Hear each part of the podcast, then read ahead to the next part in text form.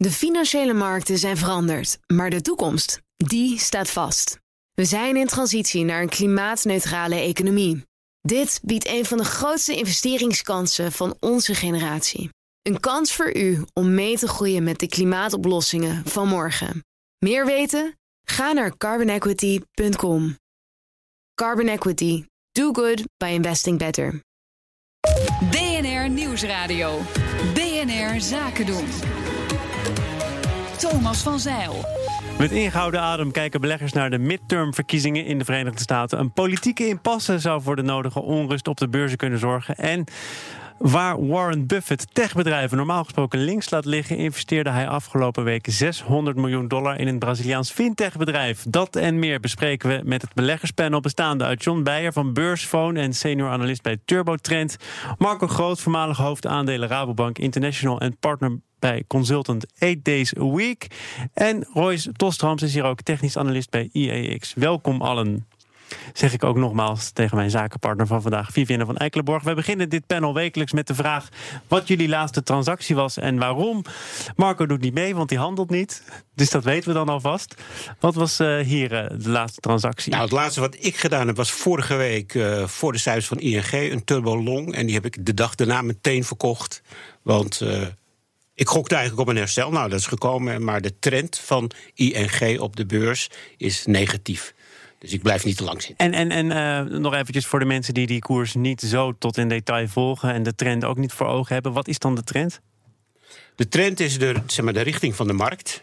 En die is, nou ja, ING, dat weten mensen wel, is vorig jaar, of is uh, dit jaar, nou ja, een van de zwakste aandelen in de AX geweest. Ja. Met, tot, over, over de hele jaar gemeten, een verlies van zo'n 30 procent. Nou ja, Maar dat heeft hele duidelijke oorzaken. Ja. Uh, Hamers heeft ook gezegd: we hebben pijn geleden. Uh, we zullen die pijn nog wel even voelen. Maar misschien dat het. Uh, nou, misschien. Hij was wat optimistischer over de toekomst. Ja, nou ja, daar, daar weten jullie natuurlijk alles van. Hij heeft gewoon een hele slechte pers. Het bedrijf heeft een slechte pers. En dat drukt zich, uh, komt tot uitdrukking in de, het sentiment op de beurs. Beleggers weten dat, lezen dat, horen dat en, en mijden het aandeel. Er zit nu een. Uh, ja, dus ik, ik, heb overigens wel een, een. Ik denk wel dat er een, een wij noemen dat een vangnet, een steun in de markt ligt, zo rond de 10 euro. Dat daar de pijn wel even geleden is. Maar ik zou uh, als uh, belegger nog even niks doen. Als trader, korte termijn, dat heb ik ook gedaan ja. vorige week, ja. wel. Goed. John, wat was jouw laatste transactie? Uh, mijn laatste transactie was gisteren. We hebben gisteren PostNL aangekocht. Uh, gisteren kwamen de resultaten voorbij van PostNL. Die waren wederom uh, ja, matig. We zien daar natuurlijk de laatste jaren dat de, de, de, gewone postpakketjes die gaan best aardig. Daar zit best groei in. Online shopping, dat neemt behoorlijk toe. Hè. Dat is wereldwijd aan het toenemen. Maar de ouderwetse brievenbezorger, dat loopt nog steeds terug. De terugval was ook iets groter dan verwacht. Maar het fonds geeft een dividendrendement van 10%. En wij denken met het kwartaal wat er nu aan gaat zitten komen, uh, kerst, uh, oud en nieuw, dan worden er best wel veel weer kerstkaarten bezorgd. Ja, is dat toch ook niet een beweging naar beneden als we het toch over trends hebben? Ja, zeker. Maar daar we zien toch wel een, soort aflokking van, uh, van de daling. En dat is voor de lange termijn denken wij positief. En wij denken dat e-commerce, dat is toch wel de toekomst. Men doet steeds meer online shopping. En ja, daarom doen PostNL ja, ja. mag gekocht worden. Sinterklaas aankopen. Ja, zeker. Het aandeel is natuurlijk ook al 40% gedaald. Dus daar liggen toch zeker wel kansen. De postmarkt gaat ook wat meer open. En wij sluiten er nog steeds niet uit dat de voormalige fusiepartner, Bipost in België. Ja, de Belgische partner, ja. Ook heel hard geraakt. Ook dit jaar 50% gedaald. Dat daar wel wat kansen liggen. En dat de regering, mochten ze nu nog een keertje samen gaan, wel een toestemming zou oh, maar kunnen. Het is allemaal wel wat er allemaal zou moeten gebeuren en zou kunnen gebeuren. En ondertussen lees ik alleen maar, de postzegel wordt toch maar weer duurder. Ja, dat is een hele goede. Dat klopt inderdaad. Maar met een afstraffing van 40% en een dividendrendement van 10% durven wij het aan om het aandeel nu op te pikken Ja. op de dip. Is het, is het vertrouwen hè, dat dit dan de dip is en dat het op termijn wat beter wordt?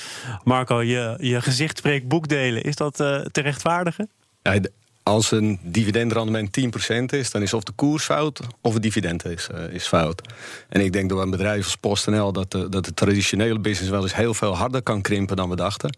Een nieuwe business heeft heel veel capex nodig, dus heel veel kapitaalsinvesteringen.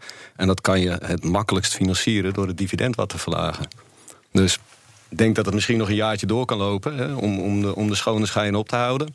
Maar daarna kan het best wel eens moeilijk worden. Ja? Ja, dat, daar zit zeker wat in, want dat is natuurlijk een gevaar. Hè? 10% dividend, daardoor stappen nog steeds nu heel veel mensen in. Maar wat Marco inderdaad zegt, als daaraan geknabbeld gaat worden... dan zou het inderdaad onder druk komen, kunnen komen te staan. Maar er zijn ook wel geluiden dat er natuurlijk een consolidatie in deze sector kan gaan plaatsvinden. Er wordt al wel wat geruchten rondom Cent dat dat overgenomen zou gaan worden. En dat zou een schaalvergroting kunnen gaan geven. En dat zou dan een boost aan het aandeel kunnen geven, denken wij.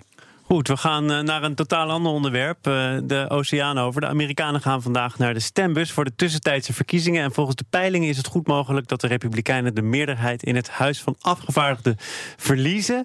Eh, stel dat dat gebeurt, dat die politieke machtsverhouding anders komt te liggen. Wat zijn dan de gevolgen voor beleggers, Marco? Ja, ik denk niet zoveel op het ogenblik. Ik ben net geland uit New York. Ehm, en New York is natuurlijk een, een democratisch bolwerk. Um, mensen zeggen daar het land is meer dan ooit verdeeld. Um, maar dat democraten gaan winnen, uh, in het Huis van Afgevaardigden. Dat is wat iedereen al verwacht. Normaal gesproken gaan mensen op de laatste dag naar de stembus. En dan kruisen ze traditioneel hun blokje uh, of hun vakje Republikein of Democraat aan. Heel veel mensen hebben al online gestemd. En die stemmen uh, neigen vooral naar democraten toe. Maar hoort hier niet inmiddels toch ook een heel groot voorbehoud bij... als je kijkt naar de verkiezing van Trump... naar de uitslag van het Brexit-referendum? Nou, misschien dat we een iets eerlijke verdeelde wereld krijgen. Maar ja, het is of een uitgebalanceerde wereld. Om te voorspellen. Hè. We hebben natuurlijk in de afgelopen jaren een paar keer gezien dat de voorspellingen, de, de echte peilingen, er ook steeds naast hebben gezeten. dat is één. En twee is dat de reactie die steeds werd verwacht. De verkiezing van Trump zou slecht zijn voor de beurs. Is niet gebeurd. De beurs is toch uh, keihard gestegen. Wall Street dan, is snoeihard gestegen. Brexit was ook zo'n voorbeeld. De uitslag was niet voorspeld. Zat overigens ook niet in de peilingen. En ook daarop is de, de, zijn de beurzen niet uh, onderuit gegaan. Dus je hebt met heel veel onzekerheden te maken. Dat is beleggen nu eenmaal. Ik denk wel, als je naar het koersverloop kijkt. Ik kijk als technisch analist natuurlijk wat er gebeurt allemaal op die markten. Dan zie je wel dat de beurzen al een flinke eind hebben ingeleverd. De, bijvoorbeeld de Nasdaq, 15% gedaald. Ja, Red oktober, hè, de afgelopen maand was uh, funest op de beurs. Maar dat is niet nieuw. Hè. De, oktober, is, is, is, is, gewoon altijd wel een lastige maand. En, maar we, we weten ook, uh, klassiek, dat de maanden na oktober, zeg maar, laten we zeggen even oktober tot en met april, dat zijn niet de slechtste beursmaanden. Het feit dat je 15% bent gedaald. Dat de, alle, eigenlijk alle beurzen, zoals ik kijk naar de, naar de wereld, hebben hun steunniveaus bereikt. Hè, dus ook de AX. Wat we hebben ingeleverd, een mooie goede maanden voor dat zou wel mij, wat mij betreft impliceren dat wat er ook gebeurt in de verkiezingen, dat de pijn geleden is en dat we eigenlijk wel klaarstaan om een rit naar boven te maken. En misschien dat we wel in bijvoorbeeld de AIX weer zijn oude top gaat testen. Hè, de top van 500. Ja, ja, daar ben ik het helemaal mee eens. We hebben natuurlijk ook gezien, als je naar de geschiedenis kijkt, na de midterms, zijn er, komen er meestal wel een aantal goede periodes aan. Nou, dus die, die, die verkiezingen die komen er vandaag aan, dat weten we. Vervolgens komen de goede maanden, november, december, januari, die komen er ook aan. Dus dat is traditioneel een soort eindejaarsrally, toch? Heeft dat nog iets te maken met de verkiezingen dan? Of zie je ieder jaar dat er een sprintje is naarmate het jaar op zijn einde loopt? Ja, als het jaar op zijn einde loopt, zie je toch de afgelopen jaren dat de, de, de, de eindejaarsrally, dat woord komt daar niet voor niks vandaan. Er komen gewoon historisch goede maanden weer aan. En uh, ja, hoop veel, hopen we van de pijn is nu inmiddels geleden. Dus wij denken ook dat de markt dichtbij een belangrijke bodem is. En dat we toch richting eindejaar weer richting de 580 kunnen gaan oplopen. Ja. Nou, alle alle uh, presidenten hebben te maken gehad met midterms. Die uh, voor de zeg maar, zittende president vaak gewoon niet, niet goed zijn geweest. Dus die hebben ze verloren. En toch hebben de, de beurzen dat weten te, zeg maar, te, te incasseren. En, en zijn daar ook weer overheen gekomen. Dat zal nu ook zeker wel gebeuren, is mijn verwachting. Overigens, als je kijkt naar Trump en zijn Twitter-account een beetje in de gaten houdt... dat is natuurlijk wel aan te raden als je wil weten wat die man nou echt beweegt... dan zie je ook dat hij de afgelopen jaren regelmatig het succes op de beurs heeft geclaimd. Hè? Dat hij dat uh, koppelt aan zijn eigen presidentschap. Afgelopen week nog. Afgelopen week nog. Hij heeft overigens daarvoor weer gezegd... we hebben een kleine pauze nu wat betreft die aandelenmarkt. Maar uh, het ziet er toch weer goed uit. Maar is dat, is dat op de een of andere manier nog logisch? Dat hij zegt, zie je wel, uh, mijn beleid is, is juist... en dat zie je terug op de op de beurs. Je kunt het niet alleen aan Trump wijden. Maar hij heeft natuurlijk wel gelijk dat de beurs is geloof ik 5, 6 procent gestegen. Hè, Wall Street. En dat, dat is voor een deel is dat zijn uh, succes, maar natuurlijk ook een succes van zijn voorganger. Hij erft als het ware het economisch herstel of de economische opleving. Marco? Ja, het is, volgens mij is het niet zo moeilijk. Als je toekomstige uh, belasting verlaagt en die contant maakt, dan is dat al 10% van, uh, van de stijging. Dus het is gewoon een sommetje. En voor de rest is er een hoop. Wat is een net woord daarvoor? Gekletst eromheen om, om de boel beter te laten lijken dan, dan het ja. in, in werkelijkheid is. En dat, dat doet hij fenomenaal knap. Absoluut. Um, ik ben geen fan, maar um, ja, Kijk, waar ik, waar ik nog wel een klein gevaar zie op de, op, de, op de korte termijn.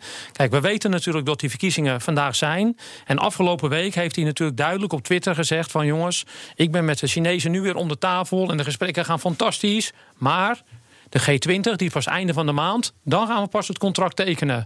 Dus het lijkt mij dat hij nu eigenlijk heel veel goed nieuws naar buiten stuurt in aanloop naar die verkiezingen. Ja, de verkiezingen zijn manipulatie. Juist, en het is continu hetzelfde gauw. Daar ben ik het met hem dus, eens. Oh, we zijn inmiddels in het gauw hoer aangekomen.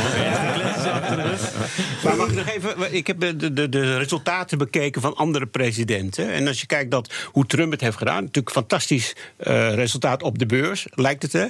Uh, maar als je kijkt naar het verschil met andere presidenten, bijvoorbeeld uh, Clinton en Obama, twee termijnen van Obama, heeft gewoon de beurs beter gepresteerd dan de eerste twee jaar van uh, Trump. Dus goed. Maar hij claimt het wel. Hij claimt het wel. Ja. Goed gedaan. En ik zou zeggen, voor een deel, hè, met, met alles wat hij heeft te, teweeg heeft gebracht, is het natuurlijk ook wel voldoende ingeprijsd nu. Maar zoals ik net al zei, ik denk wel dat de beurzen, wat er ook gebeurt, daar komen ze ook wel weer overheen. Beurzen zijn in principe niet geïnteresseerd in verkiezingen. Nou, ze, ze zijn geïnteresseerd ja, dat in winsten. Ik. Maar ze zijn misschien wel geïnteresseerd in beleid. En er is natuurlijk een scenario mogelijk waarin de Republikeinen toch de meerderheid houden, ook in het huis.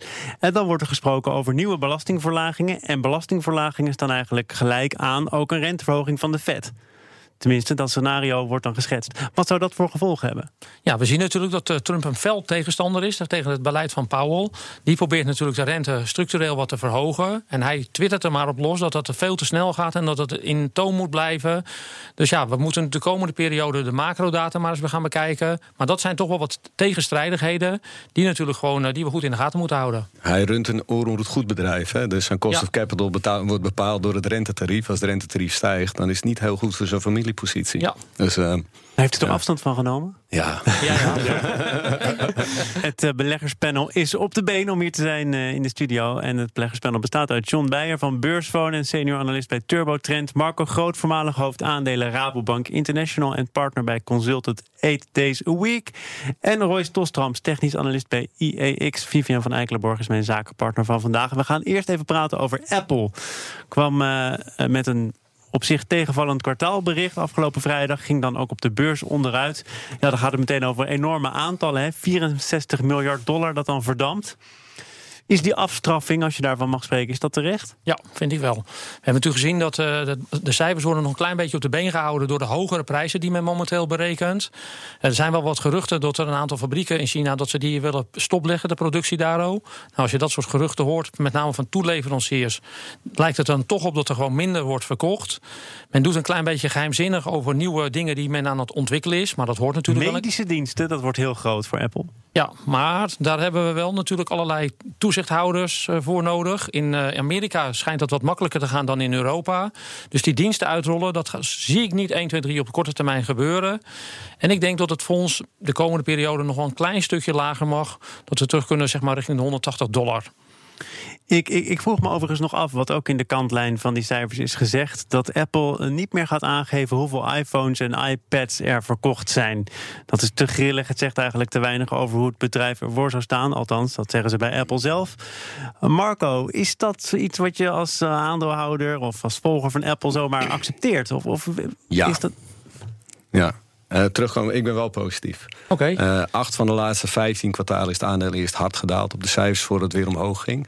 Uh, en ten tweede, het niet meer rapporteren van hoeveel telefoons, wat is het, laptops, PC's en horloges Um, om dat gescheiden te rapporteren, dat is geen vreemde trend. Hè. Cisco heeft dat gedaan, die splitst niet meer in, in routers en traffic. Oracle heeft dat soort diensten samengevoegd in de rapportage. En wat, wat Apple eigenlijk zegt, wij hebben 1,3 miljard geïnstalleerde uh, apparaatjes. Dus die groei zal niet heel hard meer zijn. We moeten transformeren naar diensten. En de disclosure over de samenstelling van de omzet in dienstenbusiness, uh, die is wel heel, heel erg uitgebreid. Ja, ja, dus aan de ene kant hebben het kleiner gemaakt. Iets te, te, verbergen of je wil niet aangeven dat de rek eruit is en dus rapporteer je Ik denk dat het veel meer is. Oké, we, we hebben nu 1,3 miljard geïnstalleerde apparaten in de wereld. Dat zal niet heel hard meer groeien. Dus dan moet je de transformatie naar diensten maken. En dat is wat ze op het ogenblik aan het doen zijn. Dus, en dan die, hè, of, er, of er een miljoen meer of minder telefoons verkocht zijn, is niet heel, heel, Nee. heel erg van belang. Maar er Zeker komt dus niet. gedonder van, als ik het hier goed begrijp. Die medische diensten, dat kun je allemaal wel voorstellen. Maar voordat dat echt geïmplementeerd is en voordat je mag, ben je al heel veel verder. Het bedrijf heeft 300 miljard cash. Hè? dus ze hebben klopt. best wel wat geld over om een keer eh, een foutje te maken in de investering. Ik denk dat je vooral naar de lange termijn trend moet kijken. En als die diensten zich Dan positief blijven ontwikkelen, dan. eh dan ben je. Hey Royce, jij wil iets zeggen over ja, lange termijn, lange toch? termijn. Ik zie Ja, lange termijn. Nou ja, nou, die, eh, dus kijk, Apple is een succesverhaal. Die stond eh, tien jaar geleden op eh 12,5 dollar en nu op 200. Een stijging van 1500 procent. En gesplitst tussendoor ook, hè? Jaarlijks 30, eh, eh, 30 procent eh, koerswinst gemiddeld. Dus dat, daar zit natuurlijk een sterk businessmodel achter. Ook, ik, heb geen verstand van cijfers, hoor, maar kijk naar de trend. De trend is eh, heel sterk. Binnen die trend, kijk, wat is een trend? De koers zet twee stapjes naar voren en één stapje terug. Nou, we hebben nu net eh, dit jaar weer drie stappen naar voren gehad. En deze week, afgelopen week, doet hij één stap terug. En ik denk dat dit een mooie correctie is voor beleggers die er niet in zitten, om weer eh, in te stappen. Het is nog steeds een sterk aandeel, technisch gezien. Het businessmodel is denk ik ook goed. En eh, ja, voor beleggers eh, die erin zitten aanhouden en die er niet in zitten bijkopen. Nee, ik kijk naar de cijfers, hè. het is niet heel duur. Ook dat nog. 19, 20 keer de winst. Dat is niet heel duur. Dat klopt. En ze doen nog steeds natuurlijk een enorme bedragen uitgeven aan eigen aandelen inkopen. Mhm. Dus dat is, dat is wel positief. Maar ik denk gewoon op korte termijn hè, dat er toch wel er moeten dingen veranderd worden. Hè, met de focus was eerst op het uitgeven van die nieuwe toestellen, nieuwe diensten. Die diensten opstarten, dat gaat toch eventjes wat tijd kosten, denk ik. En daardoor denk ik op de korte termijn dat we nog ietsjes lager kunnen. Op lange termijn zal dat zeker weer goed gaan komen. We gaan het hebben over iemand die ook al een hele termijn meegaat, namelijk Warren Buffett. Eh, die stapt in fintech en dat is opvallend, want voorheen liet hij techbedrijven links liggen, omdat hij zegt het is moeilijk om de winnaars van morgen eruit te pikken. En nu steekt hij met zijn investeringsmaatschappij 600 miljoen dollar in een Braziliaans betaalbedrijf en het moederbedrijf van de Indiaanse fintech Payden, als ik het eh, goed uitspreek. Ja, mensen kunnen op hun schreden terugkeren. Maar in het geval van Warren Buffett, toch een heel erg uitgesproken man, uitgesproken investeerder, is zoiets meteen natuurlijk eh, nieuws. Is dat eh, eigenlijk logisch, Marco? Ehm, het klopt niet. De analyse klopt niet. Hij, wat, hij, heeft een aantal stelregels. Ehm, en een van die stelregels is dat de industrie waar hij investeert eh, gereguleerd moet zijn. Het moet een recurring cashflow model zijn. Een bedrijf moet een marktleider zijn. En het moet schaalbaar zijn. En alle vier die eigenschappen kloppen precies. In het Braziliaanse bedrijf is een payment service provider. Dus die garandeert transacties tussen de consument en internet. eh, winkeltjes. Dat is prima. Dat is de nummer drie of de nummer vier in dat land. En het bedrijf in India heeft, ehm, wat is het, Uber als klant. En de Indiaanse rail- eh, spoorwegen. En dan kan je met de QR-code van PDM kan je, kan je betalen. Dus hij houdt Dus- zich prima aan zijn eigen stelregels. Ja, en vergeet niet, hè, ik heb vanochtend even gekeken. Ze, ze hebben 111 miljard cash op de balans staan. Dus om met 600 miljoen iets nieuws te proberen, is, is niet heel veel geld. Nee. Dus de relatieve impact is vrij klein. En de stap, ik vind de stap eh, best wel slim. En als je dan terugkijkt naar die ticklist, dan zijn vier van de, van de belangrijkste items op die lijst worden aangetikt. Volgens mij is het dan best te rechtvaardigen. Ja, dat, dat ben ik helemaal met eh, Marco eens. Want in principe is het natuurlijk zo. Kijk, het, ja, Warren Buffett is natuurlijk, hè, die zit meer in de traditionele fondsen. En als je natuurlijk zo'n enorm vermogen beheert, dan moet er natuurlijk ook een klein gedeelte waar natuurlijk wat meer groei in zit. Nou, we weten allemaal dat we steeds meer online gaan shoppen. We gaan steeds meer betalen via online. En als je dan natuurlijk in zo'n bedrijf stapt, ja, dan geeft dat, dat heeft natuurlijk enorme kansen, denk ik. En niet eh, onbelangrijk, hij gaat deze asset niet zelf managen. Dat doet zijn eh, nieuwe jonge collega. Dus, En, eh, en doet hij dat omdat hij eerder heeft gezegd: steek nooit geld in bedrijven die je eigenlijk niet snapt? Maar dit is niet zo'n moeilijk bedrijf om te snappen. Hè? Een payment service provider. Heel veel internetbedrijven willen zelf een pay- payment service provider opzetten. Dus eigenlijk ben je gewoon een bankje in het klein aan het spelen. Maar moet je, moet je eigenlijk dit soort regels voor jezelf opstellen en daar dan eigenlijk tot in de lengte van jaren aan vasthouden? Of uh, kunnen bepaalde tegeltjes die je misschien in de jaren 60 of 70 ergens hebt opgetekend, uh, in 2018 alweer kapot? Voortschrijdend inzicht. Ja, toch? De wereld verandert. Dus als je niet mee verandert, dan, uh, dan blijf je stilstaan. Ja. Nee, maar het achtervolgt hem natuurlijk. Hij heeft volgens mij ooit gezegd dat hij nooit in de luchtvaart zou investeren. En inmiddels staan er meerdere maatschappijen op zijn naam. En dan mm. denken mensen, nou ja, wat, wat is het dan nog waard? Maar dat is dus het voortschrijdende inzicht. Ja, dat denk ik wel. Hij blijft, hij blijft vernieuwen ondanks zijn leeftijd. Wat knap is op zijn leeftijd. Ja, absoluut. Iemand om in de gaten te blijven houden. Wil jij er nog wat aan toevoegen, Royce? Nee, als technisch analist uh, heb ik hier geen uh, idee over. Nou, dan is het maar goed dat het panel weer voorbij is. Dank voor jullie komst. John Beijer van Beursfoon, senior analist bij TurboTrend. Marco Groot, voormalig hoofd aandelen Rabobank International, partner bij 8 Days a Week. En Royce Tostrams, technisch analist, dat is hij, bij IEX. En ook speciale dank aan mijn zakenpartner van vandaag, Vivienne van Eikelenborg. De financiële markten zijn veranderd, maar de toekomst, die staat vast. We zijn in transitie naar een klimaatneutrale economie. Dit biedt een van de grootste investeringskansen van onze generatie. Een kans voor u om mee te groeien met de klimaatoplossingen van morgen. Meer weten? Ga naar carbonequity.com. Carbon Equity. Do good by investing better.